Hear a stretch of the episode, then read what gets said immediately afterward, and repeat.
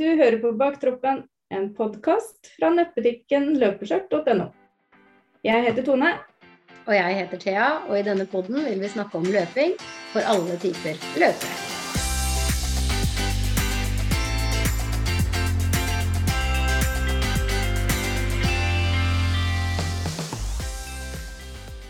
Og velkommen til en ny podkastepisode. I dag har vi med oss eh, løpssjefen for en klubb som heter Bamford 1869 på Nærsnes. Det er da min klubb, faktisk, selv om jeg er jo veldig lite aktiv der. Men Magnus Myhre, velkommen. Jo, tusen takk. Hei, hei. Veldig hyggelig å ha deg med. Nå skal vi liksom gå i dybden på løpsklubben på Nærsnes. Ja, det skal vi prøve å få til. Det er Ja. kjempehyggelig å være her. Og egentlig i dybden på deg, fordi du kan jo begynne med å fortelle litt om deg selv. Og meg, ja. Um, Ja. Oh, ja, må vi snakke om meg? jeg trodde vi var her for for er ikke for meg. Ja. ja, nei, da trekker jeg meg. ja, nei da. Jeg kan jo ta litt om meg selv òg. Jeg heter Magnus. Uh, egentlig født og oppvokst i Asker, uh, som de fleste vet hvor er. Um, flyttet til Nærsnes i 2008. Eh, har vel eh, utdannelse innen kart og oppmåling. Å ja. Ja. Jeg driver et firma i dag med, som heter Asker Oppmåling, med 21 ansatte. Som bare litt for å holde litt ekstra baller i lufta. Mm -hmm. um, har tatt litt lederutdannelse i Forsvaret. uh, også tatt litt videre byggingeniør for å få litt mer på bakken. Uh, og så kom vi da videre og skulle flytte til Nærsnes i 2008. Og da fikk jeg da to barn. Mhm. Lykkelig gift fortsatt. Ja. Og har eh, to barn som er veldig aktive på treninger selv. Så eh, hun ene, Miriam, hun er 14 år, eh, driver med synkronsvømming, så hun er jo da på trening tre-fire ganger i uken. Mm. Og så har jeg en gutt som har vært interessert i fotball, men nå har vel golf tatt eh, litt mer overhånd. Oh, ja. Da, det blir mye kjøringer. Og det er jo også noe av grunnen til at man begynte å samle litt skritt da, på en skritteller i starten. Mm. For å slippe å kjøre fram og tilbake hele tiden. Mm. Det er kule idretter de har, da. Det er liksom ikke Det er noe annet enn fotball og korps, Det er det. Eh, Synkronsvømming er ikke akkurat det. Når, når man først begynte på dette, hun eh, begynte vel egentlig på vanlig svømming først, og da hadde jeg henne med på å eh, svømme frem og tilbake på babysvømming. Mm. Og så begynte man å svømme frem og tilbake, svømming ble litt kjedelig. Mm. Og vurderte ok, hva skal vi gjøre, skal vi slutte eller skal vi fortsette? Og da var da kona var på en annen treningsgruppe og hadde en venninne som eh, hadde en datter som gikk på synkronsvømming. Ja. Jeg visste ikke, jeg trodde da- det var sånn kjempe, sånn veldig sært lite miljø, og så er det på Nei. Nærsnes. Nei, det er ikke det, vet du, Thea. Så vi kan jo bli, vi kan jo bli med og prøve en gang. Det er veldig moro. Kan jeg få slippe det? ja, det Ja, nei da. Jeg, vet det er, det er, jeg tenkte det første selv òg, synkronsvømming. det- For meg så var det plask og sprut i vann og bein og armer opp og ned. Så første gangen jeg må innrømme at jeg satt der og lurte på hva er det jeg driver med nå, Mm. sitte her og se på dette. Men eh, ja, det var jo da jeg begynte å, egentlig å tusle litt rundt eh, selv da, mens hun var på trening. Men Mm. treningene ble jo lenger, hun ble jo eldre. Så til slutt så var jo treningen på halvannen time, og så ble det Mm. trening på to timer, og så ble det to og en halv time. Og så var det jo forskjellige steder, både på Sogn bad i Oslo, det ble litt på Risenga i Asker. Og, ja, så da utvida det seg egentlig til å begynne å løpe gå. Ja. Og så fortsatte det egentlig da til litt eh, til løping mer og mer, da. Og mer eh, interessen også for løping. Hvor, hvilken årstall er vi på da? Nei, jeg begynte vel litt sånn smått hjemme på mølla selv først. Mm. så, men det er i 2019. Ja, det er ikke lenge siden, vet du. Nei, det er ikke det. Du er Det er egentlig egentlig nybegynner. Jeg er det. Jeg er ganske Ja. fersk. Jeg, jeg måtte sjekke tilbake. og jeg, eh, Det var 2018 hadde jeg vel et par ganger på mølla nede i kjelleren. Da hadde jeg en sånn veldig veldig enkel mølle og bare fant ut at jeg måtte finne på noe annet da, enn å sitte stille. Mm. Eh, Jeg var jo veldig aktiv før. Var ute og på byggeplasser og opp og ned stillaser. Men eh, til slutt så ble det mer en administrativ stilling og kontor, kontrakter osv. Uh, og da måtte jeg bare begynne å finne på noe, røre litt på meg. Ikke bare sitte på sofaen, ikke bare sitte på kontoret. Det ble Ja. Og det var jo da man også fikk litt interessen for dette her, da. Men jeg syns jo det er hvis, hvis jeg skal liksom Da har jo egentlig kurven din vært bratt. Ja, øh, syns jo også kanskje det selv, men det spørs litt. Det er jo litt sånn relativt, da. Noen øh, Jeg ser jo andre som starter når de er 17-18 år, 20 år, par og 20 år. ikke sant. Og mm. Den definisjonen på hva kurven er bratt, det spørs jo hva man ser på, da.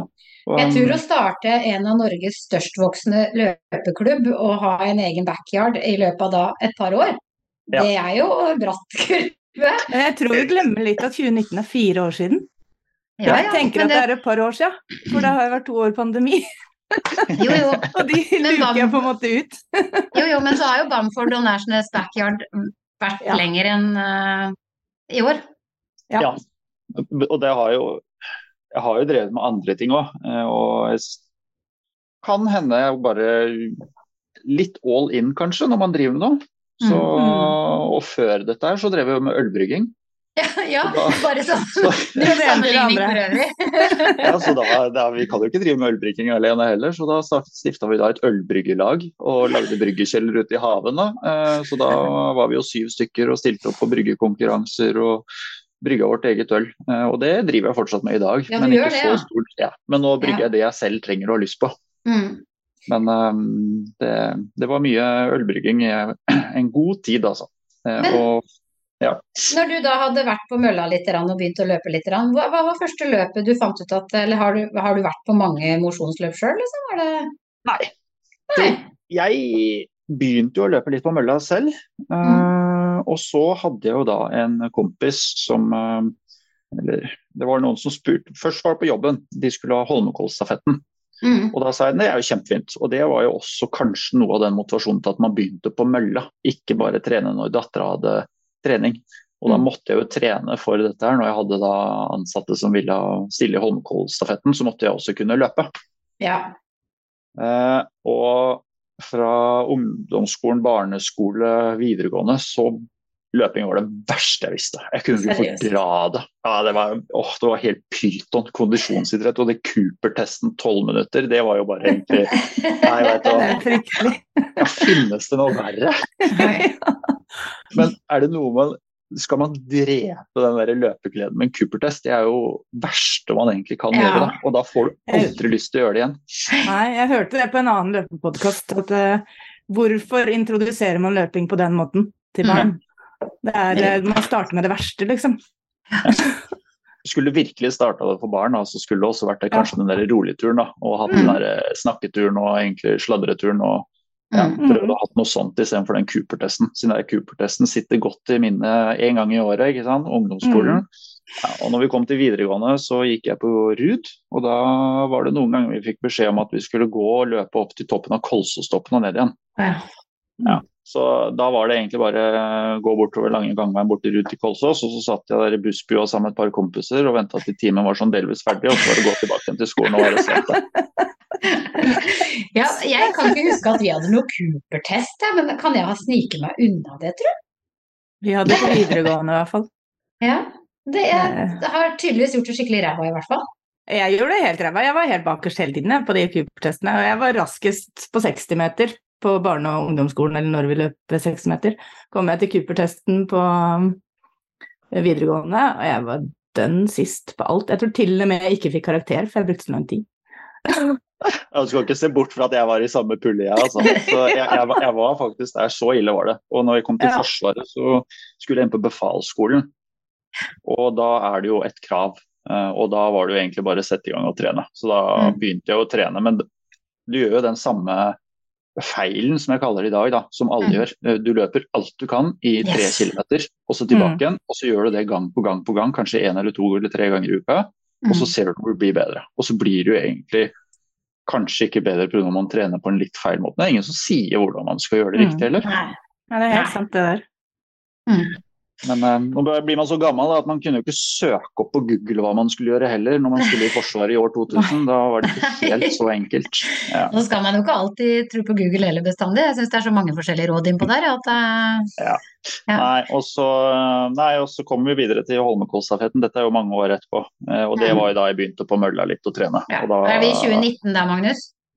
Da er vi vel i 2019. Ja, Før pandemien? Nei, da er det faktisk i 2018 litt. Men det var mm. ikke mye jeg trente da, altså. Nei, for dere deltok i 2019, eh, kanskje? Nei, jeg var ikke Jo, det var, nei, det var i 2019, siden pandemien var i 2020, ja. Stemmer det. Ja, Mm. det er 2019. Mm. Og så hadde vi Holmenkollstafetten da i mai, og det gikk greit, følte Mm. jeg. Og fikk egentlig litt den at jeg stoppa ikke å løpe. Da fortsatte jeg litt på mølla, men jeg løper jo som regel bare en to-tre kilometer.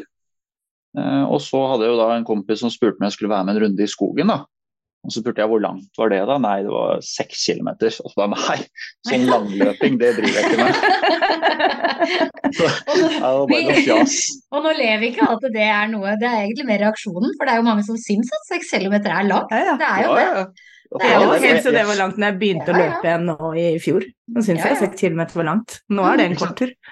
Og det er jo de der grensene man tøyer, da. Mm. eh, På Mm. er det langt, er det kort, og hva er kort, hva er langt, hva er rolig, og hva er Mm. raskt. Ikke sant? Mm. Eh, og jeg sa jo nei flere ganger, fram til jeg plutselig en dag OK, greit, jeg får henge meg på det. Mm. Og så blei jeg med den ene turen. Og jeg la meg ned når jeg var ferdig og bestemte at det der skulle jeg aldri gjøre igjen. Det var mye bedre å stå på mølla og se på Netflix i 15 minutter og løpe Ja, tre du syns det? ja. Det er fordi ja. det pleier å være motsatt. Ja, nei, det der var ikke noe gøy. Det var ikke noe gøy, og det var slitsomt. Og det var jo oppoverbakker til og med. Det var jo Oi. bakker i skogen, ikke sant. ja. Ja, men det morsomme er at den runden, da, vi kan jo prate litt kanskje om backyarden og Bamford senere, men den runden er backyard-løypa. ja, den er ikke noe Ja. morsom. Nei. Så da, da er det greit, da skjønner jeg hva du mener. Nei, ja, Så ble jeg jo med et par ganger til, og da ble det til uh, egentlig at vi løp denne runden her hver torsdag. Mm. Så da ble det til at uh, vi hadde da en avtale hver torsdag halv åtte, så skulle vi løpe denne runden. Samme runden. Og da fant jeg litt mer den gleden av å være i skogen. Og det var jo da jeg begynte å se man løp fortere og fortere, og jeg gjorde jo litt det da, men da prata vi litt, og så tok vi det litt fort fra toppen av denne løypa da, og nedover. Eh, men da var jo da jeg begynte ok, hva skal til for å klare å løpe en fem kilometer? Mm. Eh, og første målet jeg hadde, husker jeg det var å løpe fem kilometer under 25 minutter. da. Det er jo raskt for enkelte, og for, for andre så er det ikke raskt. Det er jo definisjonsspørsmålet. Mm. Eh, og jeg stelte meg opp da bort på Holmen fjordhotell som er i Asker. Der er det en ganske rett slagstrekke bort til Hvalstrand og tilbake igjen. Mm. Og gønna på alt jeg kunne. Skulle løpe fem kilometer på 25 minutter. Og holdt det gående og trodde jeg skulle rekke det, og stoppe klokka da når det står da 4,99, og jeg hadde brukt 25 minutter og 5 sekunder. Nei! For det første så fikk du aldri 5 km-rekorden på Strava, og for det andre så bomma du med 6 sekunder, så det var bare å legge til og gi opp. Å, det er så surt, det, vet du. Nei, det Ah. var ikke noe god opplevelse igjen. Og så eh, gikk det videre utover på mølla på høsten igjen, og så kom jo koronaen. Ja. Mm. Da begynte, men da fikk man jo også muligheten litt mer, da. At Mm. eh, Man fikk ikke muligheten i forhold til egen løping men da ble jo treningene for kids avlyst. Det ble mer tid selv. Du måtte komme deg ut for å få lufta huet litt. og det Mm. alt pressa da, både på at det var tilstelninger, hva skjedde, hvordan det var arbeid, jobb, ikke sant. Mm. Eh, Drive bedrift med ansatte. Hva, så da var det godt å komme seg ut og lufte huet litt. da. Mm. Og da var det jo ikke noe løp. Nei, Um, det var mye da- virtuelt. Det var veldig mye virtuelt. Jeg, men jeg hadde jo fortsatt ikke meldt meg på noe løp. Jeg hadde jo aldri vært med på et løp i hele mitt liv. Nei, du hadde ikke det, da? Nei, men jeg var veldig frista da til å prøve meg da på en 10 km. Da. Og da så jeg Obos Fornebu-løpet. Eh, Jeg meldte meg ikke på, men jeg tok ut løypa. Jeg er jo glad i kart, og en skikkelig geek på kart, så jeg tok ut løypa da på Strava og la den inn på klokka for å løpe det Obos-løpet. Så bestemte meg at jeg skulle løpe en 10 km. Da. da hadde jeg vel aldri løpt så langt før, og så tenkte jeg at dette er jo paddeflatt, hvor vanskelig kan dette være? Det kan, det må jo være som mølla. Satte i gang på Fornebu, men vet du hva, noe så slitsomt, det har jeg Ja. aldri Det var i verste sånn fall. Ja, det da. Og så kommer du ut på Fornebu, og jeg lover deg, etter fem-seks kilometer, da greide jeg å finne massevis av bakker som jeg måtte gå. Mm. Masse bakker på Fornebu. Jeg har aldri vært i en bakke på Fornebu, tror jeg, i mitt liv. Men jeg finner dem. Ja, det, ja, vi skal ikke følge karta til Magnus i hvert fall, Steiner, for da er det bakker der det ikke er bakker. Det er sånn Oh, big hill! No. Nei, det var uh, slitsomt, men jeg greide å komme i mål, da. Så jeg klarte da på litt det var 58 minutter, tror jeg. 57 ja. minutter, tror jeg. Så, ja, da, da syns jeg ikke det var så gærent likevel. Nei, da, jeg var Nei, kjempefornøyd, jeg, altså. Ja, Ja. jeg var veldig, veldig fornøyd. Eh, men jeg var jo ødelagt i knærne i hvert fall en uke eller to etterpå. Da Da var jo Ja. knærne helt ødelagte og begynte å lure på ok, jeg er ikke skapt for denne løpinga. da. Mm. Men eh, det var ikke noe løp. Um, det var Nei, Men hvorfor meldte du ikke på selve Fornebu-løpet når du på en måte Fordi du syns det er skummelt, eller var det Nei, det er litt sånn når du, når du starter å løpe, du har aldri løpt før, aldri drevet med idrett i hele livet, eh, da Mm. tenker du et startnummer. Så tenker jeg sånn, hva er vits med det startnummeret, jeg bare kan løpe selv, da? medaljen da? Mm. Nei, ikke sant. Ingenting av det betydde noe, egentlig. Det var bare det å Ja, ikke sant. For meg da Nei, da, nei. Ja, det er jeg, sånn for meg òg. Første medaljen betydde jo ingenting, på en måte. Sånn før året etter, når jeg da ikke hadde Mm. fått den. Men det er da du senere ser at et løp trodde du da var kun for de proffe. De som Mm. løp Mm. høyt aktivt hele tiden. Jeg hadde jo Mm. ikke peiling i det hele tatt, jeg ante jo ingenting. Eh, Så jeg trodde det var kun for de som løp superraskt, eh, ikke for deg selv. Det var jo for de som ønsket å vinne løpet, tenkte jeg det var. Mm. Før jeg begynte å sjekke litt og innså at eh, hei, vet du hva, du kan faktisk løpe et løp for deg selv. Men jeg skjønte jo fortsatt ikke vitsen hvorfor skal jeg løpe et løp når jeg kan løpe alene. Men Ja. etter å ha gjort det nå da, eh, i noen år, så innser du det at løpe et løp med den stemninga rundt løypene, med det å stå i startfeltet sammen med 100 til flere tusen mennesker samtidig. Det hoies og det heies og det står publikum langs løypa. Du får på deg, og det, bare når du klistrer på dette startnummeret på pusta, uansett om du løper en 10 km på to timer, timen eller en halvtime, så tror jeg det er det samme at det, det gjør noe med hele deg som person å stå på den startstreken og Mm. være klar for å yte det beste for deg selv og se hva du klarer i forhold til hva du gjorde en annen gang. Mm. Og ikke minst å komme i mål. Ja. Å komme i mål og få medalje. Mm. Ja. Ja. Men derfor da, så på en måte så har du tatt den 10 kilometeren som da du syntes var tung, men du fant ut nei, men det, det er jo litt deilig òg. Det er litt gøy. Og vi er jo fremdeles i 2020. Ja, vi er det. Jeg, jeg fant første løpet jeg meldte meg på. Eh, Mm. Jeg hadde jo det noen løp Når du setter deg ned og begynner å løpe, så begynner du å google litt, da. Mm. Hvordan bli ultraløper er jo sikkert noen andre som har googla før. Jeg har aldri googla hvordan bli Jeg heller. Altså, Jeg har løpt et ultraløp, altså, men jeg tenkte ikke på Gud. Det er, det er jo det samme. Du, du satser et sted, ikke sant. Altså, hva skal du gjøre da? Og når du først begynner å få sansen for det å komme deg rundt 3 km i skogen og 5, og kanskje du kommer deg rundt en 10 km, så begynner du å sjekke ok, hva kan jeg gjøre? Hvor vanskelig er dette da? Mm. Her, ikke sant? Å løpe 200 km er jo ikke noe vrient, det er jo bare å løpe, så er du ferdig. ikke sant? Det er et bein foran det andre, liksom. Helt til du da, prø helt til du da prøver 15 km i skogen og innser å steike, dette var tungt, og så er du helt kake. Ja. Nei, eh, det første løpet, jeg, jeg meldte meg på noen virtuelle løp, så da var det noe virtuelt bare for å få medaljen og så bare se hva det var. Og da løp jeg noe som heter Hyggen i Asker, da løp jeg en 10 km, jeg lurer på om det var Oslo, maraton sin 10 km. Men det første løpet jeg meldte meg på som jeg faktisk sto på en startgrep med startnummer, det var Oslofjorden rundt. ja. Det var ganske langt. Nei, det var halve, 80 km. Ja. Så det var faktisk første gang jeg noen gang løp et løp med startnummer. Og da tenkte jeg det her må du bare prøve og teste og se. Du hadde kjørt 80 km for å se hvor langt det er, eller? Er det... det er ikke sånn at du tenkte nja, det går fint. Nei, jeg, jeg begynte jo å innse det, men man visste jo litt hvor langt det var. Da, innen den tid så hadde jeg jo fått noen kilometer under beina, men jeg hadde jo aldri løpt mer enn 30 km før. Aldri. Så det var første gang jeg noen gang passerte å løpe over 30 km. Altså, da dobla vi det lengste du noen gang har løpt. Ja, det var vel over det. Og jeg tror det, jeg tror det lengste jeg hadde løpt før var fra Hurum på langs, da, som vi hadde som en liten tur for lenge, lenge, lenge siden. Og det var 26 eller 27 km. Og fant ut Ja. ok, vi må prøve. Eh, det, Jeg bare føler at jeg har mista noe fra å google hvordan bli en ultraløper til å stå på startskreken på Oslofjorden rundt på 80. Der, der er det et eller annet som jeg har mista imellom der. jeg, jeg husker jeg så uh, Det var en serie som kom, uh, kom opp i det Google-søket som var fra NRK.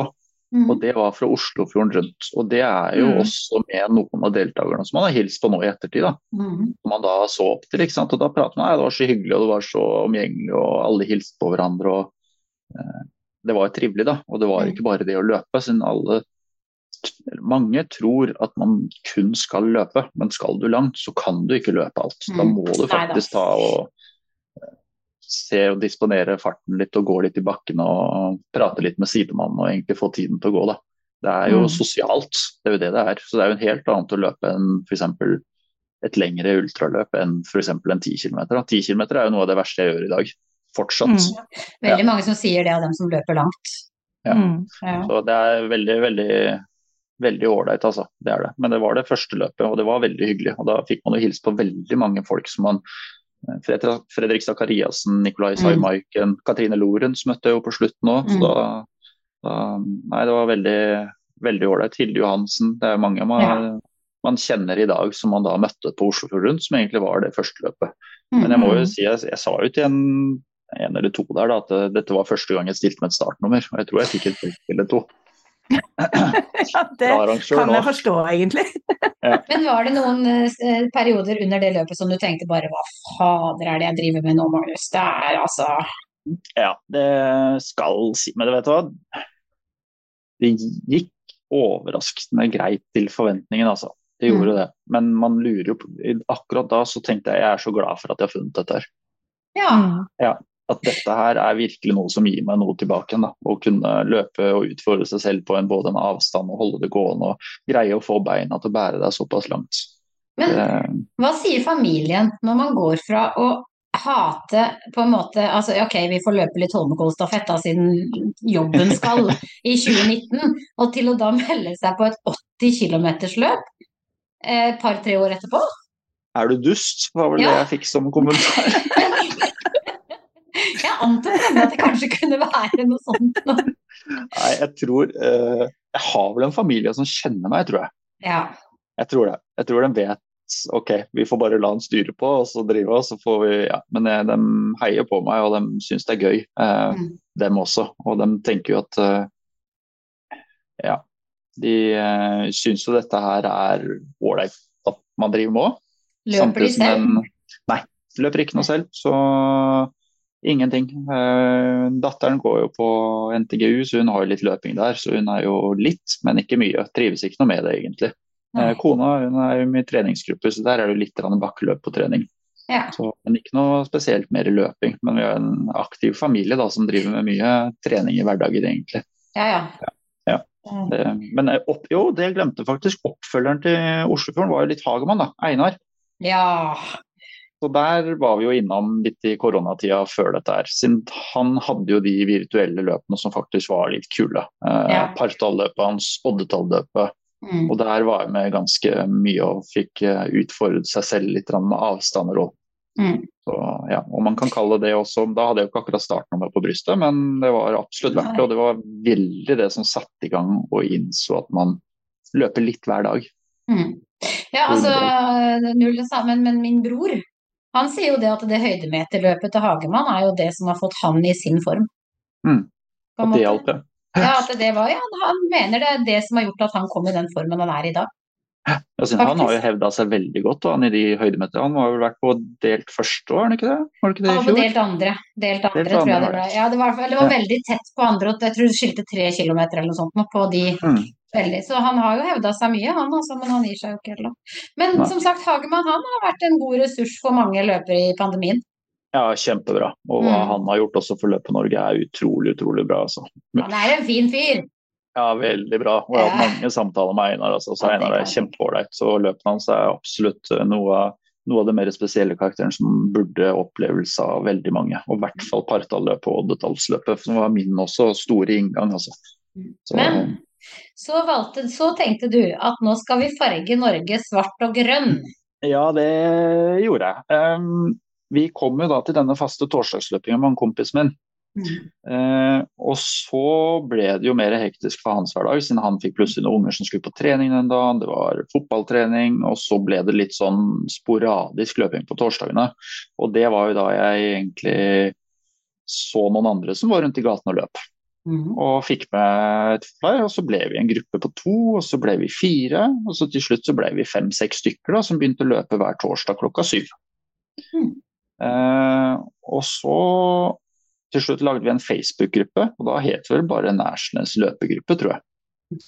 Eh, og da kom det jo flere og flere, og vi så at det var veldig mange som fikk interessen for dette. Og jeg skal jo, jeg tipper nok eh, Korona gjorde vel at mange kom med Og ville gjøre noe. Siden ah, treninger for voksne var jo avlyst helt Mm. Det var jo ikke noe som var å kunne gjøre, bortsett fra løpeturer i skogen med å holde en meters avstand.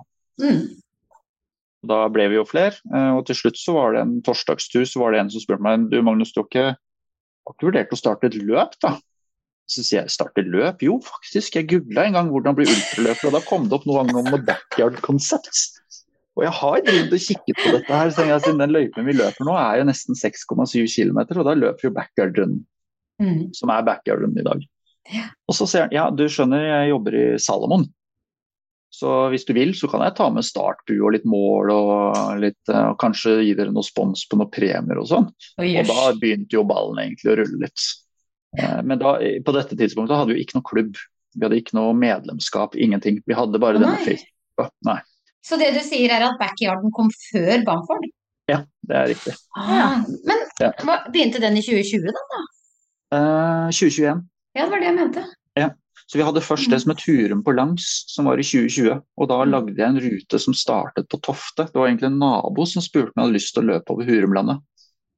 Eh, Og når han spurte om dette, så begynte jeg å klikke på ruter og lage ruter og utforske kart og forskjellige stier, og fant da en rute som gikk over Hurumlandet med stopp på Stikklandshytta, litt turisthytter, mm. og kom tilbake. Og vi hadde jo da vært på denne én gang, før vi da han kom med torsdagsløpingen. Peter von der heter han. Og han spurte da om vi skulle lage et løp. Mm, Og så begynte jeg å kokkelere litt. Ok, hvordan skal vi få til dette? Men jeg tenkte jo først ok, hvis vi har en startbue, vi har noen vimpler, og så bare setter vi det opp og så bare løper vi runde på runde i skogen. Det var min tanke først. Ja. Men også begynte jeg å snakke med det lokale idrettslaget ute hos oss, som heter Nærsnes Årås idrettsforening. Og de var jo veldig interessert i å få med barn og unge. Mm. Og da sa jo de ok, dette var jo jeg privat som egentlig skulle ta ut av egen lomme til slutt. Så nå begynte det å bli da en 15-20 stykker og måtte da ha tidtagningsutstyr, så det begynte å bli litt utlegg. Og så måtte vi selvfølgelig ha en medalje. Ja. Ja, og medaljer er jo ikke billig hvis du skal ha en skikkelig medalje. Da begynner det å bli eh, 5000 kroner i oppstartskostnad, og så da en eh, 30-40 kroner per medalje. Da. Mm. Eh, Men når da dette lokale idrettslaget sa at vet du hva, vi skal ta og sponse litt med dette her, eller dere, og så satte vi opp da et regnskap som gikk i null. Sånn at det vi fikk inn i startkontingent på løpet, skulle da gå tilbake til dagen da og dekke de utgiftene som var. Ja. Eh, Men jeg må si, jeg trodde kanskje vi ble mellom 15 og 20 voksne som ble med på dette her. Kanskje vi ble da en 20-30 barn mm. og ble mest fokus på barn. Så satte i gang, åpna påmelding, og det raste jo på. ja. Så første året så ble vi da 100 voksne og 100 barn som ble med på dette her. Ja. Og dette tok jo da nesten ni måneder forarbeid eh, å få starta løpet, men da ble det med flere og flere på torsdagstur. Så det ble med mange på torsdagstur. Til slutt så var vi da 15-20 stykker. Mm. Og vi løp jo da i stormen Frank, og flere fikk høre om dette backyard-løpet og tenkte de skulle være med som en sånn helt low-key sosialt løp. Mm. Eh, og for de som ikke er kjent med backyard-konseptet, så handler det jo ikke om å løpe raskt. Det er jo kun å løpe og fullføre, i hvert fall hos oss, tolv timer. Mm. Hvis du da fullfører tolv timer, så er det den raskeste siste runden. Mm. Men eh, vi kom til 100 voksne og 100 barn, og da turte vi ikke ta imot flere. Så da vi hadde jo alle, jeg har aldri arrangert før, jeg har jo aldri vært i idretten før. Ante jo ikke hva dette var. Og vi hadde jo da fullt, og vi hadde koronaregler med ja, to var- meter. Selvfølgelig 2021, det er jo det. Ja. Jeg vet ikke å sette 100 stykker i startfelt med to meters avstand, det var ikke veldig lett. Nede på Nærsnes på idrettsplassen der, ja. Ja, og vi er ikke noen organisasjon bak, det var ikke noe firma, det var jo meg privat. Så hvis noen skulle få på pukkelen her, så var det jo jeg som skulle få svi. Ikke. Ja. Men eh, vi tok sjansen og kjørte gjennom og prøvde å opprettholde alle regler. Og det ble jo en kjempesuksess. Og Ja. jeg var jo faktisk med da selv og løp eh, dette, og da var jeg bakerst alle tolv runder for å klare tiden. Ja. Og komme i mål på tolv runder. Ja, du gjorde det, ja. Ja. Så da, Fulgte, det ble 80 km. da ble det 80. 80,4 km. Mm. Da var vi jo Det var fire andre, eller fem andre som var med å løpe tolv runder. Og da hadde de andre kokkelert sammen at vi skulle gå sammen i mål. Så da sa jeg nei, nei, jeg kan ikke som eh, arrangør her drive og gå i å vinne dette her. Det blir for dumt. Da virker det som du arrangerer et løp for å komme i mål først. Det blir for dumt. Men vi gikk i mål samtidig, så det var kjempeålreit. Det var veldig, veldig ålreit. Og alle de som var med i mål den gangen, er fortsatt veldig gode venner, og alle er medlemmer av løpeklubben. Eh, etter dette løpet så fikk jeg en henvendelse og spurte hvordan melder vi oss inn i klubben. Og da sier jeg Nei, vi har jo ikke noen klubb. Det her er ikke noen klubb. Bare bli med i Facebook-gruppa. Det er helt fint, det. Ja. Men det er jo da vi egentlig fant ut ok, vi lager en organisasjon. Og så fikk jeg med et par av de som var med helt fra starten med løpinga på torsdagsklubben. Og så startet vi en frivillig organisasjon Mhm. som gjorde da at vi måtte ha et styre. Og vi var vel en tre stykker, fire stykker. Og fikk da laget en klubb med innmelding. Og vi Mm. åpna denne innmeldingen, så raste det også med innmeldinger. Og da tror jeg vi hadde kosta 190 kroner eller noe sånt, tror jeg. Det var litt for å dekke bare de administrative kostnadene for litt bank og kort. Og det var, vi brukte Styrved, et CRM-system for å holde orden på medlemstall og medlemslister. Ja. Men uh, det gikk bare et par måneder, og så ringer jo manageren til Sondre Nordstadmoen og sier Ja. at jo, Sondre vil jo gjerne bli medlem hos dere. Ja, det husker jeg faktisk. Og så Ja. sier jeg ja, men det er jo flott, det liker vi. Og da hadde han også lyst til å være med på å bli medlem av Bamford 1869, eller Nærsnes løpeklubb. Men uh, da var det jo litt mer, så da måtte vi jo bli medlem av Idrettsforbundet, vi måtte bli medlem av Norges friidrettsforbund. Og når jeg ringer da, jeg kan jo som sagt ikke mye. Ikke sitt, jeg har sittet i noen komiteer for unga og vært med aktivt frivillig for barna. Men jeg har Ja, ja. aldri vært i kontakt med Idrettsforbundet og Norges friidrettsforbund, så det var litt sånn småskummelt. Men da fikk jeg vel egentlig en melding om at nei, det tok nok noen måneder å bli medlem der, og dette var jo da i midten av november. Ja. Men det klarte vi veldig fint. Så vi Ja. fikk snurpa sammen et stort eh, eller styre, kontrollutvalg, valgkomité. Fikk stiftet dette, sendt inn papirer og fikk da godkjent på jeg tror det var tre og en halv uke. Og fikk da medlemskap da i Idrettsforbundet Norsk idrett. Og Sondre da meldte overgang til Bamford 1869 da i 2022, mener jeg det var. ja, jeg tror var 2021 var det. 2021, Slutten av 2021 meldte han overgang. Ja. Så det syns vi også var veldig hyggelig. Men vi Er er jo ikke er han der enda? Det er han. Ja, Han er med i Nationals løpeklubb Bamford 1869 ennå. Og vi er jo også faktisk teknisk arrangør av Lieløpet.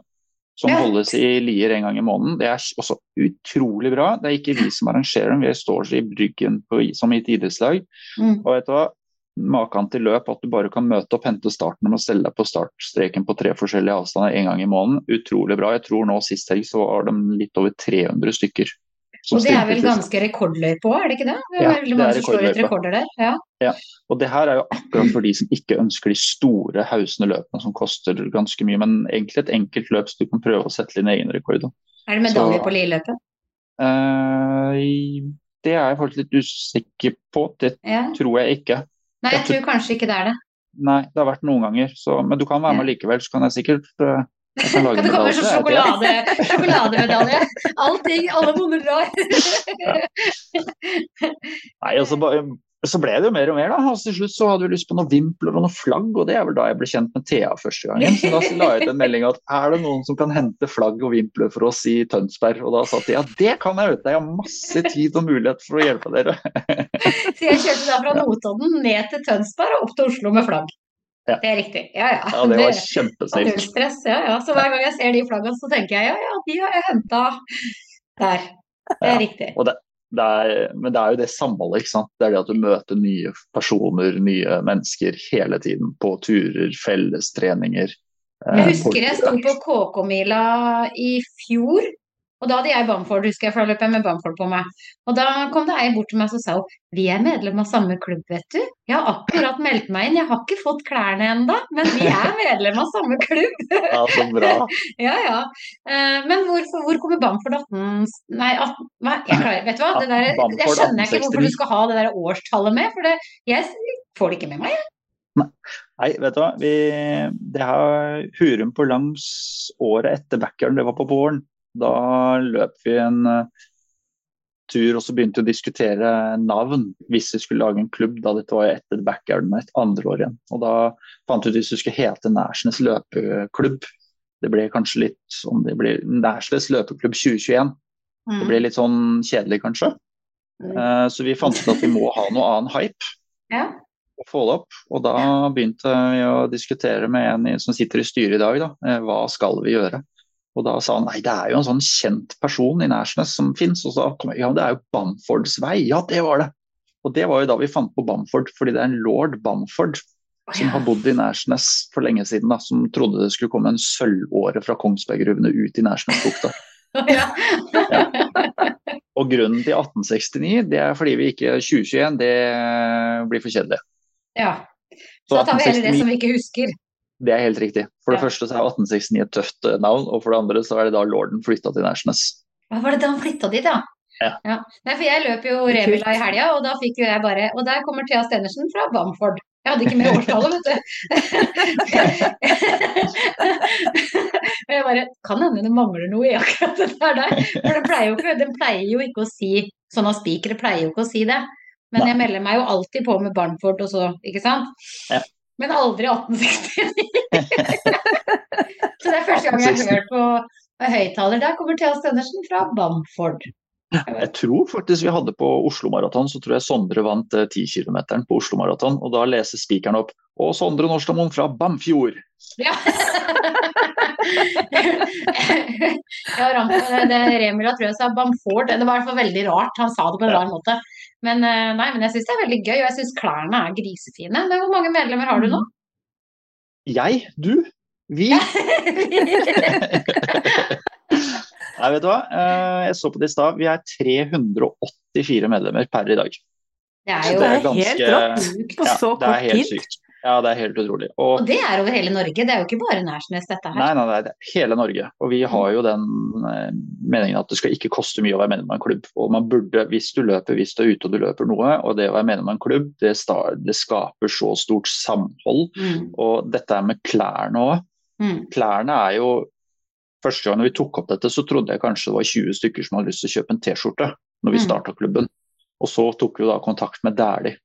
mm. Og det her, vi var jo ute på dette lieløpet eh, og så alle løp. Dette var på det nå, og da løp jo alle sammen med en sånn sinnssykt kul farge på skoene, syns jeg. da.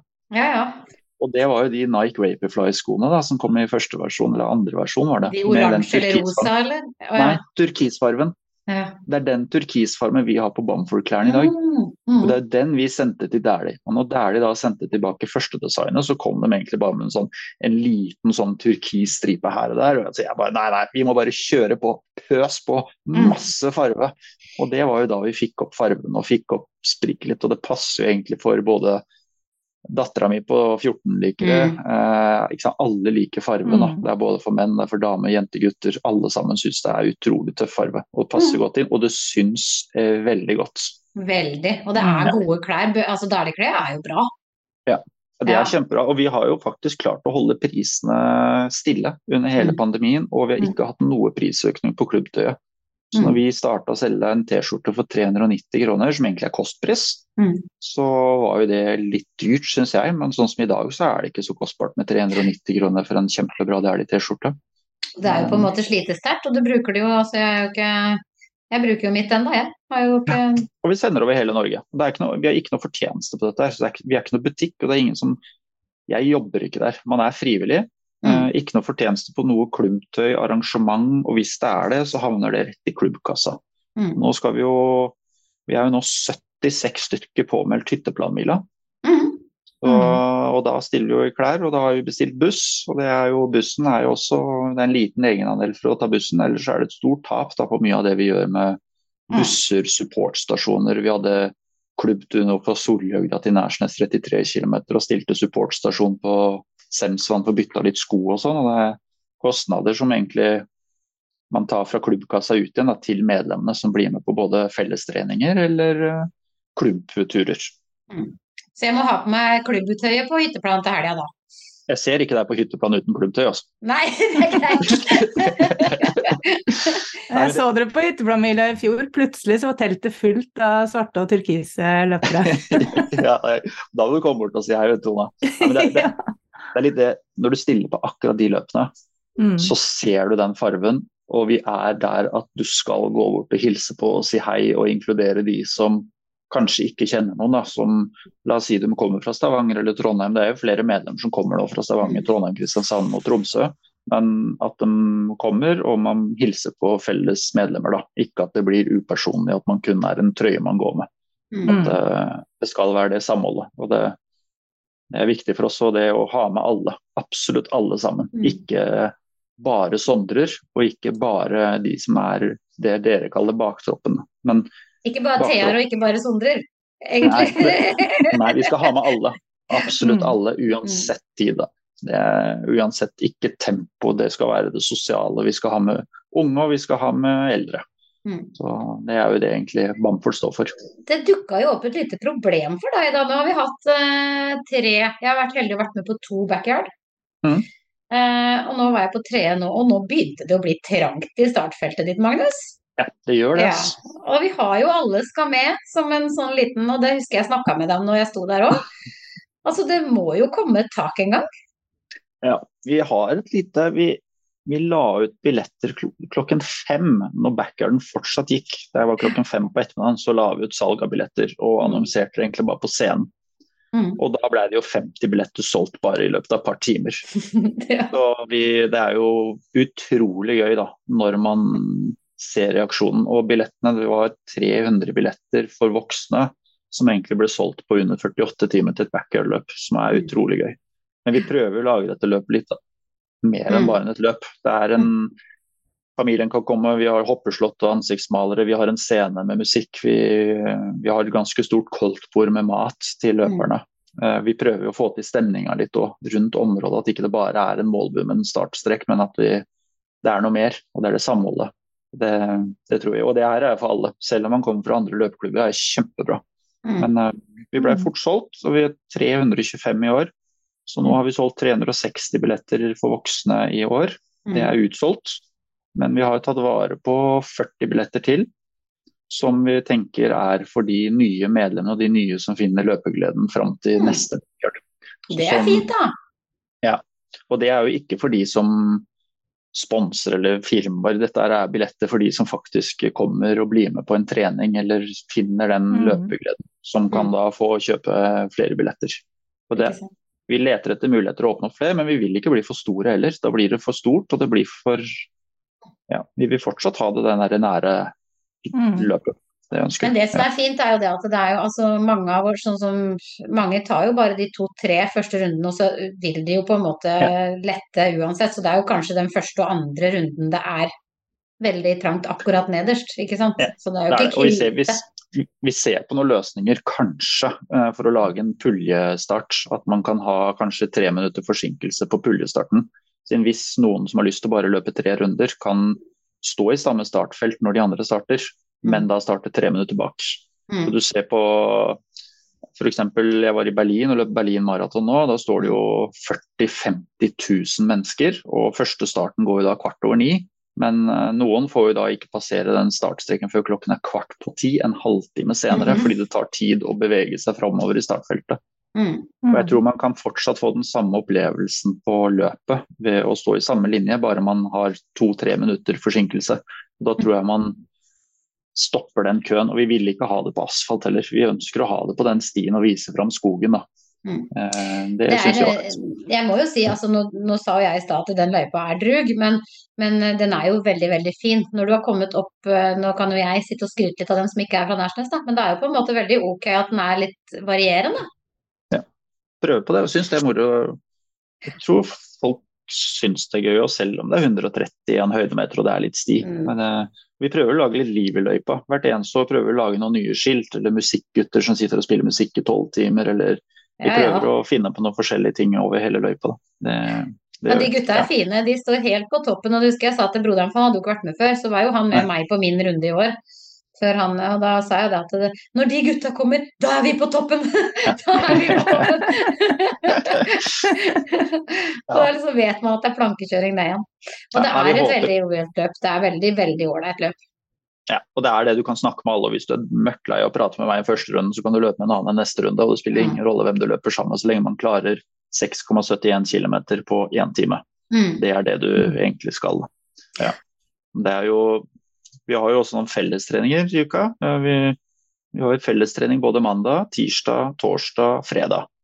Og Ja. Det er jo fellestreninger for alle. og Det er ikke noe treningsavgift, det er kun 290 kroner året. Og de fellestreningene legger vi også vi har intervaller på mandager for de som har lyst til å prøve intervaller. Og så har vi Mhm. intervaller på tirsdager for de som trener for halvmaraton maraton. Og så har vi da intervaller på fredager for kanskje 5 og 10 km opp mot halvmaraton.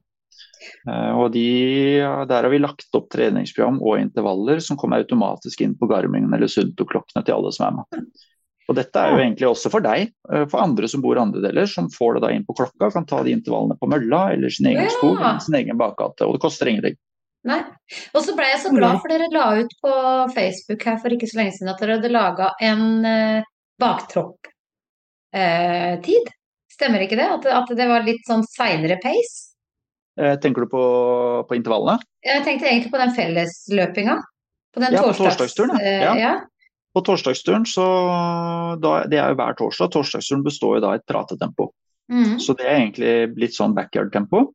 Mm. Og pratetempo er jo forskjellig for alle. Mm. Eh, Så der legger vi opp til at vi har en som heter gruppe 1. De løper da backyard-runden i rolig tempo. Og der har vi en fantastisk kar i klubben som heter Even Vegå, som alltid er bakerst. Mhm. Og han holder følge da bestandig, uansett hvem som er med, så er han bakerst. Og dette er for selv de som går i alle bakker. Og det er egentlig bare å bli med bli, komme seg rundt på den runden. Og etter hvert så ser man da progresjon. Og vi har mange som har vært med og egentlig aldri løpt noe særlig før i det hele tatt, som i dag er faste på både mandagsintervallen og på torsdagsturen, som liksom bygger seg opp gradvis da, og finner den gleden med å møte alle likesinnede og bli med i gruppa. Så har vi gruppe to, som er en eh, på sti. Der eh, løper man litt raskere og holder fortsatt litt gang i bakkene. Eh, 10-12 km. Og så har vi da noe som er gruppe tre, som er da opp mot 12-15 km, som er da en god del løping i alle bakker og puls. Mm. Som man da får litt eh, får tråkka på litt på torsdagsturen og for de som ønsker det. Mm. På torsdagene så har vi noe egentlig for absolutt alle sammen. Mm. Det er jo fantastisk. Ja. Det er som, det er, jo det som er Og alle skal med. Da er det virkelig alle skal med. Mm. Ja, vi vil ha med absolutt alle, og det skal Ja. være alle sammen. Og man, må, man kan faktisk møte på alle treningene uten å være medlem, så du trenger ikke være medlem. Det er bare å komme og bli med. Det, altså. Så Ja, ja. Det, Men eh, det, er jo, det hadde jo sikkert vært fint for deg at du hadde fått noe igjen for det også, da. At på en måte klubben får noe inn for det, liksom. Det er jo, det er jo Ja, gøy å drive veldedighet, altså, men ja, vet du hva, jeg tror ikke vi jeg tror ikke vi klubben Vi er jo stort sett voksne og ungdommer alle sammen. så vi, De pengene vi får inn, de bruker vi tilbake igjen på Mm. medlemmer og det vi skal. Men uh, jeg har jo mange som Vi har intervallet på fredagene. Det er på en asfaltrunde rundt en Mm. skole i Vollen i Asker. Og Der har vi hver fredag og hver, hver fredag halv fire og hver tirsdag klokka sju. Men da er det jo mange som har spurt ja, men Magnus, du fikser jo alt da. Du må jo klare å skaffe noe lys og kanskje tatandekke her. Litt sånn på spøk. Og det var jo da jeg egentlig fikk henvendelse i fjor sommer da, fra idrettslaget om at eh, de hadde lyst til å bygge en idrettsbane i Nesjnes. ja, stemmer det. Ja. Så da jobba jeg litt bak kulissene, egentlig, ikke prata med så mange. Og da lagde jeg en 3D-modell og Mm. målte opp egentlig den lokale banen hvordan den så ut. Og fikk prosjektert da selv en ny idrettsbane. Så jeg lagde en video som ligger på YouTube under Bamford 1869. Mm. Så nå er det jo da tartandekke og idrettsbane med fotballbane og varme. Så hvis vi da får en løpebane med varmeovner, det finnes ikke veldig mange av dem i Norge, Herregud. Eh, Det begynte jeg med det i fjor juni, og så fikk vi vedtatt dette er på årsmøtet i mars. Og så sendte vi byggesøknad med to dispensasjoner i juli. Ja. Så den byggesøknaden er jo til behandling i kommunen, og har møte med entreprenør og signert kontrakt og intensjonsavtale for å bygge dette idrettsanlegget. Herlighet. Så ja. Altså, Da- Nærsnes må jo være veldig glad for at du flytta dit i Nærsnes store sønn. Det er- Det, ikke, det er ikke alle som liker all den der løpinga i gaten med de der jakkene, så folk begynner å spørre hvorfor du går tur og ikke løper tur. Nei da. Men har du, er det du som har ansvar for alle treningene sjøl, eller rullerer dere litt? Nei, vet du hva. Eh, Ja, i starten var det det. Jeg hadde torsdagsturen, og så hadde jeg jo det som jeg kalte fredagsmila selv, eh, som var halv fire. Og så begynte jeg å løpe rundt Arnes alene klokka halv fire på fredagen etter jobb. Så ble det med flere og flere. Og etter hvert der så fikk jeg jo da eh, en som heter Tormod i klubben, som sa vet du hva Magnus, jeg kan hjelpe deg med dette og holde Mm. tråden i det. Så han setter jo opp på spånn de fredagsintervallene. Og så hadde vi jo mandagsintervallene. Der hadde vi først en som het Nicolas, som ville starte bakkeløp og korte intervaller. Mm. Så han satte i gang det. eh, Og der er det nå Even Vegås som har tatt over. Så han Mm. har nå mandagsintervaller i Slemmestad for de som har lyst til å teste intervaller. Og der er det også absolutt alle skal med. Der er det snakk om å gå fort i fire minutter eller løpe fort i fire minutter. Her kan du velge selv, og han har også rolig tur for de som ønsker bare det sosiale å løpe rolig mens de andre løper intervaller. Ja. Eh, og så har jeg da tirsdagsintervaller, og den er det fortsatt jeg som har. Ja. ja Men eh, Og det sosiale medier eh, var jo egentlig den bøygen jeg selv så på som en utfordring, og det tok utrolig mye tid å ha både Mm. Facebook-side, Insta-side, og så skulle vi ha en gruppe, Facebook-gruppen vår, der vi legger ut det meste av treninger og bilder og informasjon. Eh, Men nå har jo Jogge-Julie, som hun er kjent på Mm. Instagram, eller Julie, Mm. Utrolig fantastisk person som hjelper Ja. til med alt. Og hun er jo så flink at jeg bøyer meg i støvet hva hun får Mm. til. Altså, det er hun som styrer nå både eh, Facebook og Instagram, de offisielle sidene. Det er det. Mm. Ja, Ja, så Det er jo så bra man. at folk stiller opp og hjelper til, og Ja, og det det er er, veldig, eh, veldig bra. De kommer og spør, og det er, eh, å få hjelp til det er veldig bra. Klubbtøy styrer man fortsatt selv, men det er, eh, Ja. det er litt, eh, litt jobb med postordresystem nede i kjelleren, så kona lurer på Mm. ok, skal vi bygge på den kjelleren for å lage til sånn Bamford-rom. Men da kom en annen fra klubben da, som sa at han driver lagerutleie, så da kunne vi få en lagerplass til Bamford-klubben sin der, da. Ja. Det er jo fantastisk, og det er det jeg mener når det er sånn samhold, samhold liksom. Ja, Mm. det er Det er jo noe med det. Nei, jeg syns det er bra, men, men har du noe, altså nå blir det jo veldig mye Bamford for deg, da, men har du noen utenom hytteplanmila som jeg skjønner du skal være med på, har du noen andre ting du har planer om framover, da? For min egen del, så Mm. ja. Googla ultraløper, hva er det som kommer opp? Jo, det var Oslofjorden rundt, den fikk jeg tatt. Og så Mhm. kom jo Blefelds beste, selvfølgelig. Mhm. Den ble tatt i fjor sommer. Ja. Eh, og så da, etter Blefeld, så var det også noe Soria Moria Verdens Ende. Mm.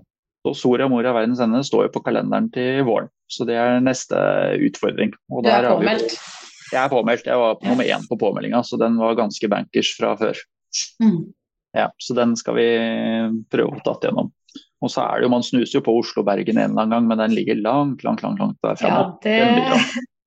Da burde du først høre på hun eh, Heidi Er det ikke hun Tone, som hadde tatt den som fortalte om alle hallusinasjonene?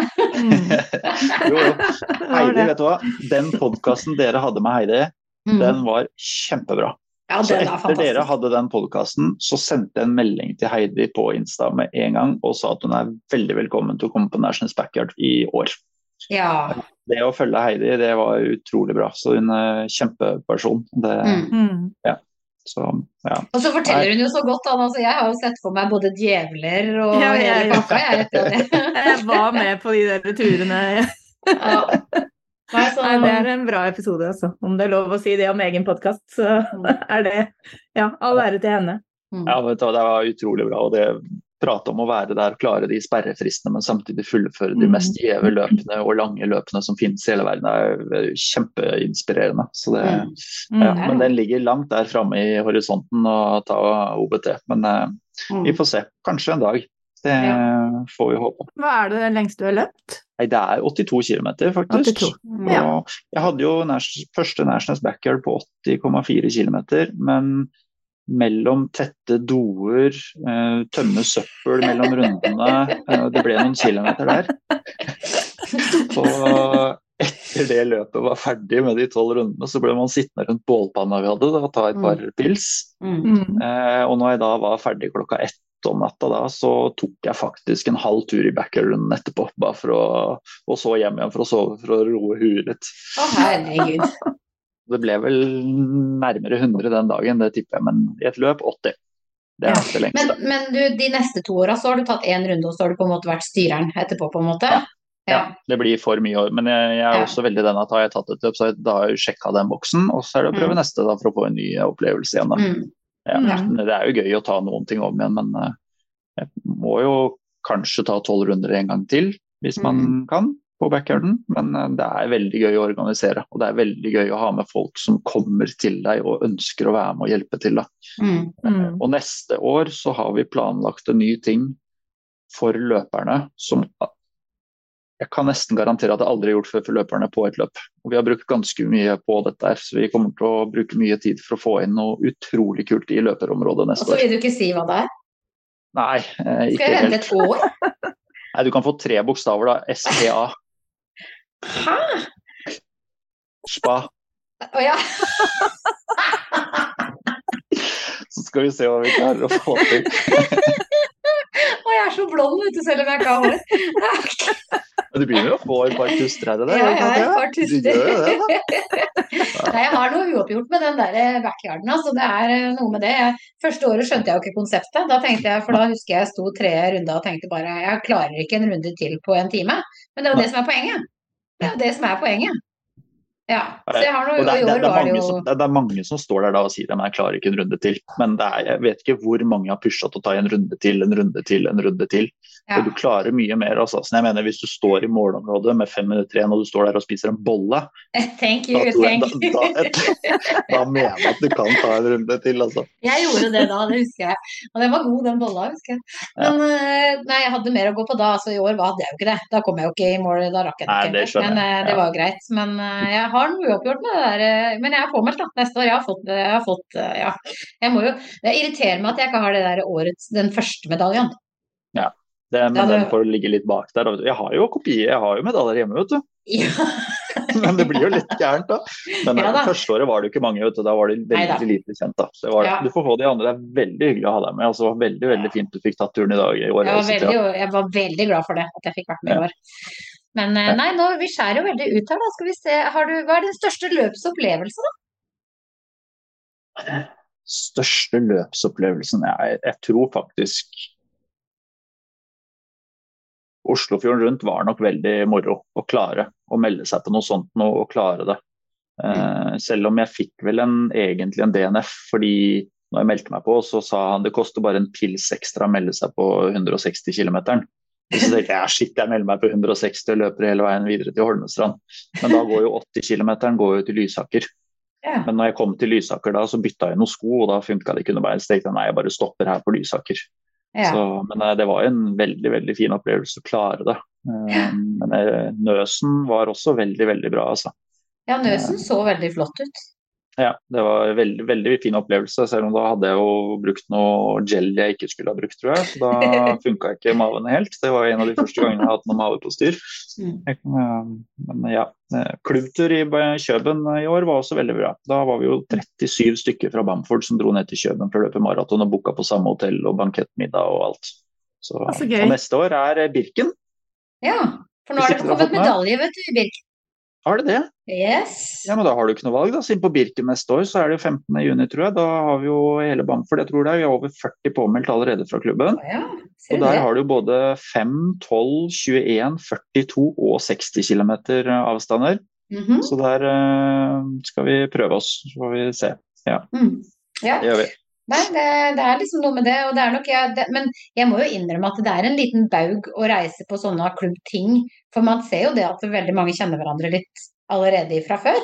Ja, men vet du, du må bare komme deg med. Og hvis du, hvis Mm. du gruer deg til noe sånt, så booker du hotell, og så drar du med kanskje én du kjenner. Og hvis ikke du kjenner en, så ta, sier du fra til meg. Send meg en Mm. melding, og så skal jeg ordne det der og bli kjent med noen. Altså. Ja, ja. Vi har, jo, vi har jo klubbtur nesten en gang i måneden. Enten om det er fra Tryvannstårnet, Sollihøgda, Hurum på langs eller Drammen i området her. Uh, og Det er bare å komme og si fra, og så skal jeg passe på å sørge for å få deg godt med sammen med de andre. Altså. Og hvis du skal på Birken, Birken så booker du ditt eget rom sammen med andre, og så løper du en avstand som passer deg. Også. Ja. Mm. ja da. Men må med broderen. Han har jo kommet inn i klubben, han også. Ja, ja, ja. Men Ja. du kjenner jo flere du nå. Det er jo Jo mange da. i Bamford du kjenner. Det er jo Ja mange, mange. mange. Nei, det er veldig bra. Det er Ja. veldig ålreit å være en del av noe sånt nå. Men har du en sånn der bucketlisteløp, da? Et løp du bare må gjøre en gang i livet? Nei, men jeg har lyst til å løpe alle verdens maraton. Mm. Det er det siste uh, som jeg egentlig har hatt lyst til. Ikke fordi at jeg har så lyst til å trene og løpe så raskt og bare løp som teller, men opplevelsen på de og det er ganske store. Og det å ha det som en, et mål gjennom hele livet, å klare. Men lotteriet på f.eks. Tokyo er jo 3% sjanse for å klare å komme. Mm. Så det å greie å komme med i trekninga på disse. Men så tenkte jeg ok, jeg melder meg på alle sammen mm. hele tiden, hvert eneste år, og så får jeg se hvilke jeg kommer med på, og så får jeg bare gripe sjansen når det kommer. Mm. Og så er det, er det, er det ikke noe, Har ikke de noe sånn veldedighetsgreier i Tokyo, at du kan reise med? Jo, ja. du kan, men også kan du betale deg ut, da. Så er, men jeg har bare bestemt jeg melder meg på lotteriet som vanlig. Og mm. så ja, kommer jeg med, og så får vi se da om man er kvalifisert for noen. Men ja, få melde seg på ett hvert år, eller alle sammen og se hvor man kommer. Mm. Ellers har jo Oslo-Bergen vært morsomt å klare å fullføre. Men der, ja, den ligger langt der framme. Ja, men ikke umulig, ikke umulig. Nei da, nei da. Det er noe med det. Man skal sette, skal sette litt mål. Ja. ja. Men du henger vel opp medaljene dine, du som jeg? De henger vel på veggen? Ja. Det henger ved siden av klubbtøyet hjemme i, lager, i lagerboden. Der er det klubbtøyet, så henger det opp ved siden av på stativet der. Ja. Ja, det, det er det som er Ja, jeg syns også det er veldig fint med Bamford, for de har skjønt at medaljer er fint, fine medaljer er viktig. Ja, det må vi ha. I år, i år var det en stol. Det var dritkult. ja, du synes det var tøft? Ja, det ble jo faktisk Vi fant ut i år, det blir jo backyard-logoen vår. Så det blir jo ikke Vi ser veldig mange brukere i gjerdet.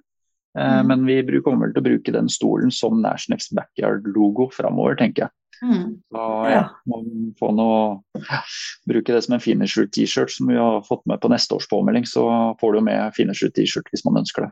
Ja. ja. jeg kjøpte meg faktisk i år, men det var egentlig mer symbolsk. For da hadde jeg jo Det var jo siste cellegifta mi noen dager før. Ja. Eh, så den, da blei jo det siste løpet på cellegift.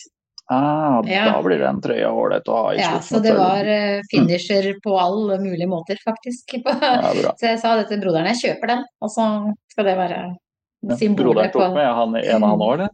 Nei, han gjorde ikke det, men han kjøpte seg Bamford. Ja, han kjøpte seg Bamford-trøya. Ja, ja bra, jeg, jeg fikk han til å kjøpe Bamford-T-skjorte. Ja, det er bra. Ja, alle kaller han bare broderen. ja, han er veldig fin, da. Ja. Nei, har, vi noe mer vi, har du noe mer du vil fortelle om, Magnus? Du, de kan melde seg inn i klubben ved å gå inn på hvor, hvor, kan man melde seg på for å være med i klubben? Går inn på bamford1869.no. Mm. Der er det en påmelding. Det koster 290 kroner året. Og jeg oppfordrer egentlig ikke det, for vi, vi, søker jo ikke å være vanvittig mange medlemmer. Og det er ikke derfor vi ønsker folk som medlem.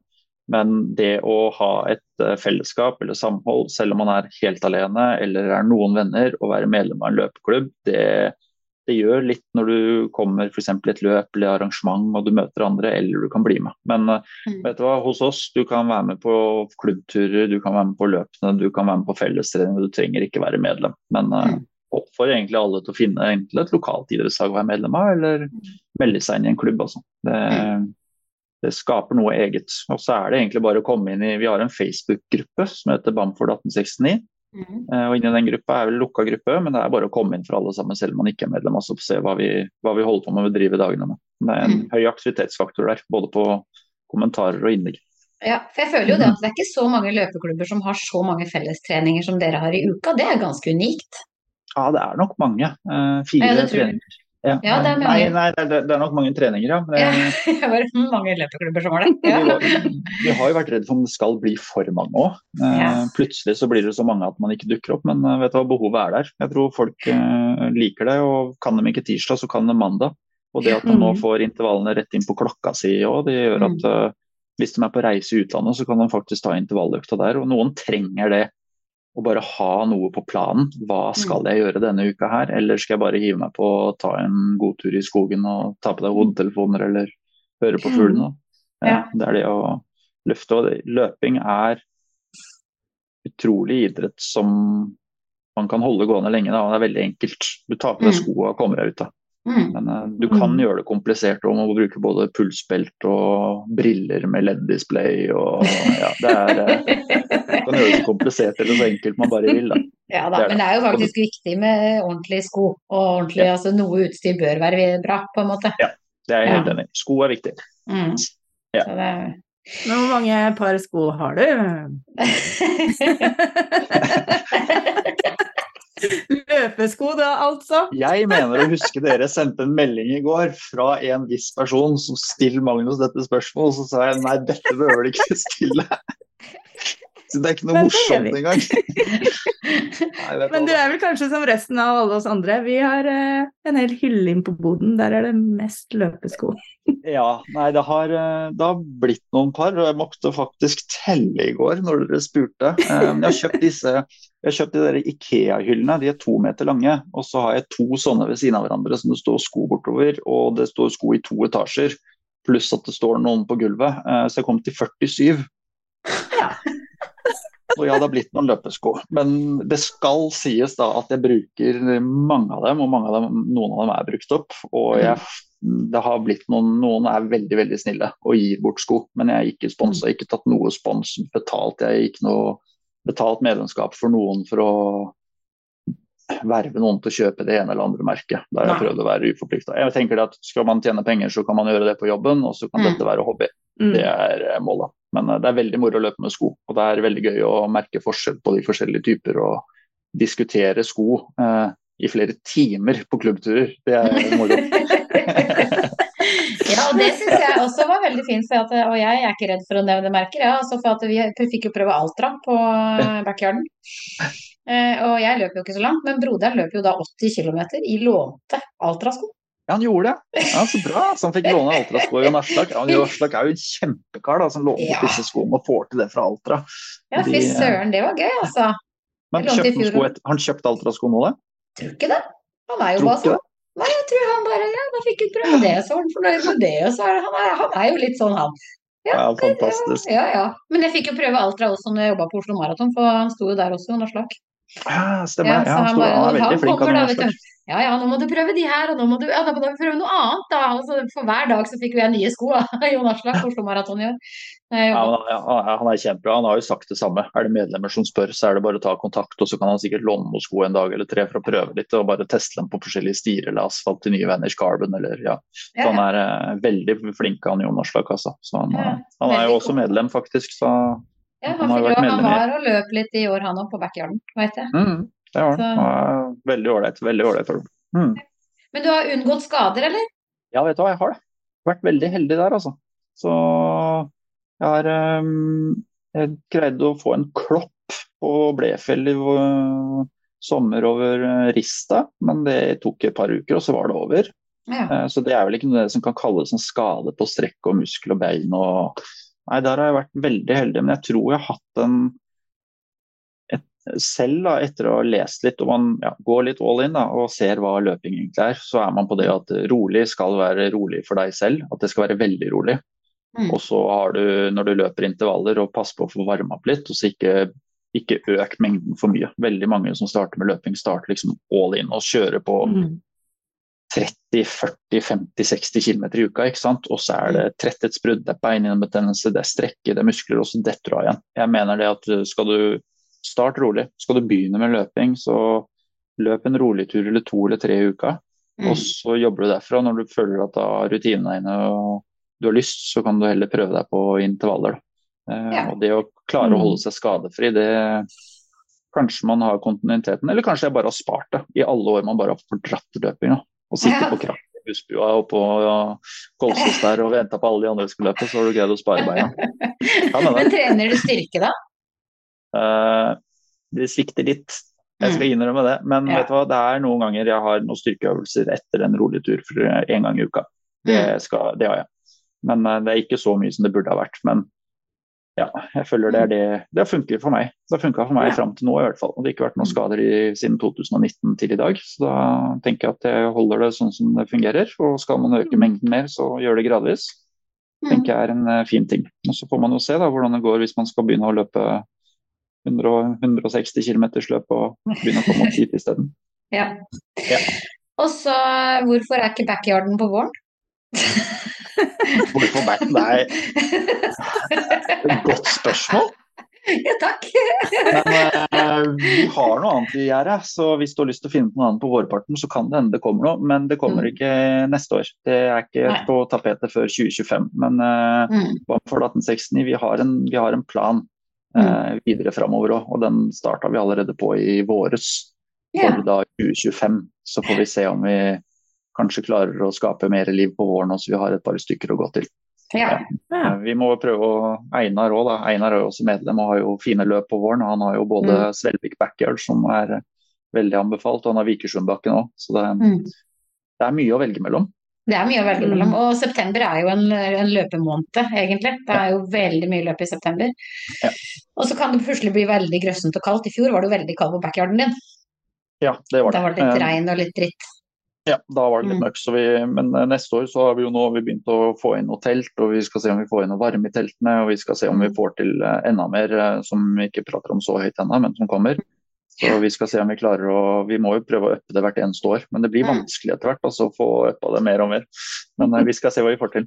Men etter, etter i fjor, når det var såpass grøssent vær, så kjøpte jeg meg sånn, du vet, sånn der fotballtelt. Sånn der som du Ja. sitter én person inni. Det var jeg og kjøpte meg på jula. Bare sånn tips til alle som skal Men jeg trang jo ikke den i år, for da var det jo fint vær.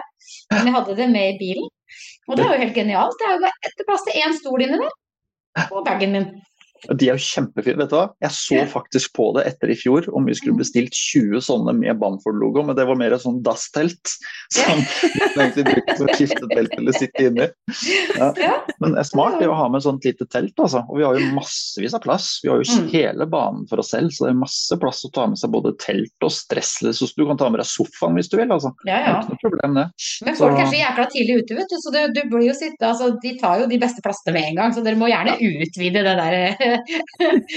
Men er det der, akkurat med løperområdet, hvis vi utvider det, så blir vi ønsker å ha det litt sånn tett og nært. Siden vi, vi har jo faktisk masse mer plass, men hvis vi Mm. utvider det så mye, så blir det litt sånn Når du sitter der, så kan jeg love Du prata sikkert med tre-fire-ti stykker du aldri har prata før fordi du satt Mm. så nærme andre. Og da blir du kjent med flere, da. Uansett om du kommer fra Holmestrand eller Romerike ultraløperklubb, eller uansett hvilken klubb man kommer fra, så får du faktisk kjennskap til flere enn bare akkurat Bamford. Mm. At, uh, det er ikke noe veien for å prate med flere, tenker jeg, og utvide horisonten litt. Nei da, det er, veld, det, er, det er veldig jovialt, det er veldig hyggelig. Men det sa jeg jo på Mm. den podkasten òg, etter at jeg hadde vært der sjøl. Mm. Jeg ble jo sittende til klokka fem, jeg var vel ferdig klokka tolv. Men det er jo det vi ønsker, og det er jo så bra at man gjør det. Og det er det, som er, det er det vi ønsker å ha i livet på banen. Og det er jo, vi tenner jo bålpannene klokka seks-sju om kvelden. Mm. Så når klokken var åtte-ni, så var jo nesten 100 stykker som satt rundt bålpanner og Mm. eh, hadde satt og heia inn løperne da, til siste tiden. Og, jeg- Mm. og jeg, jeg tror ikke jeg dro fra banen klokken halv tre om natta. Ja, Så vi ble sittende en god stund. Det kan du si. Det ble ikke noen halv runde i backyarden da. Nei, Ikke noen halv runde i backyarden. da ble det bare fra banen og hjem, så jeg bor jo nesten i backyarden litt lenger bort der. Ja, Ja. ikke sant. Ja. Ja. Nei da, du må ikke slutte med dette engasjementet her, altså Magnus. Det er kjempebra. Det er liksom Ja, veldig gøy at eh, noen sånne ildsjeler, eh, for det er jo det du er. Du er jo en Mm. ildsjel som gjør veldig mye for folkehelsa, egentlig, da. Ja, Mm. Får håpe det ligger noe positivt òg, da. Det, det tro, tror, vil og håper og tror det, altså. Så, Mm. det så lenge det gir seg selv noe og litt grann den følelsen av at alle syns dette er ålreit og ja, Mm.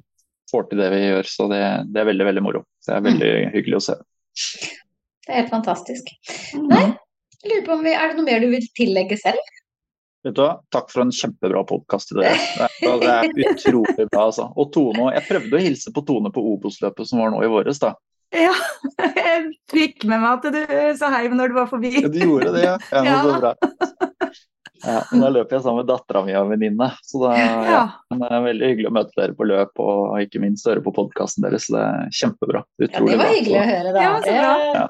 det er jo mange podkaster og det er mange ting og tang, men det er liksom, ja, det er blitt en sånn liten greie for oss, dette her. Vi syns det Ja, er det er hyggelig. kjempebra. Og så er det veldig bra å se du er ferdig med cellegiftkuren, Thea. Det er jo også veldig ålreit å se. Ja. Mm. Ja, det er litt deilig det. Så nå er det den strålinga som, er, som jeg driver på med nå, da. Så Mm. er, det, så er jeg ferdig, gitt. ja, det er bra. Skal jeg hente meg inn igjen og komme sterkt tilbake. Neste år skal jeg vinne backyard. Kan du ikke gjøre meg én tjeneste, og så blir du med på Hurum på langs til våren? ja, den er for lang, vel. Er den for lang? Ja, den er 26.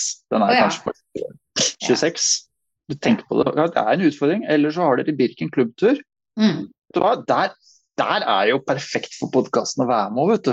Og bli med opp på Birken klubbtur og ta et intervju der oppe, så skal jeg finne ut noen objekter til dere på, i klubben, altså.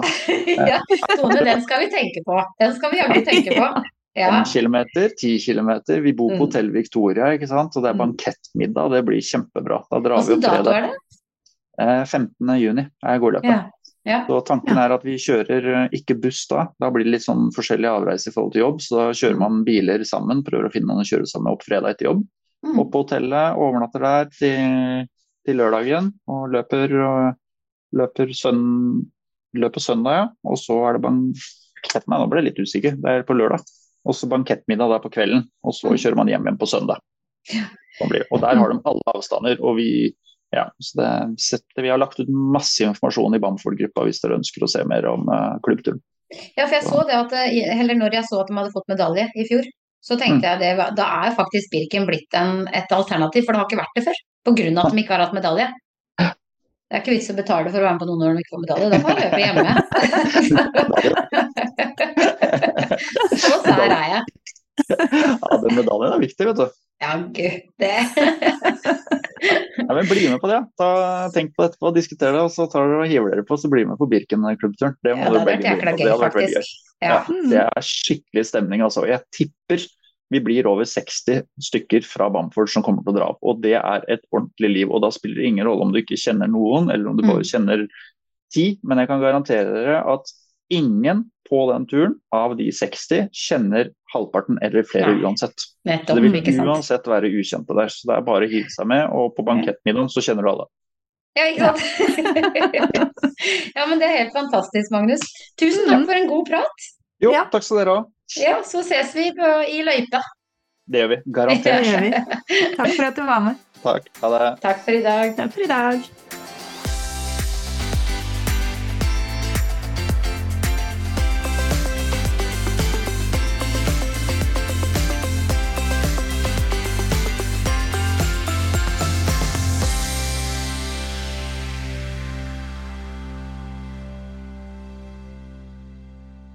Du har nå hørt en episode av podkasten Baktroppen fra nettbutikken løpskjørt.no med Tone Nordung Pettersen og Thea Stenersen.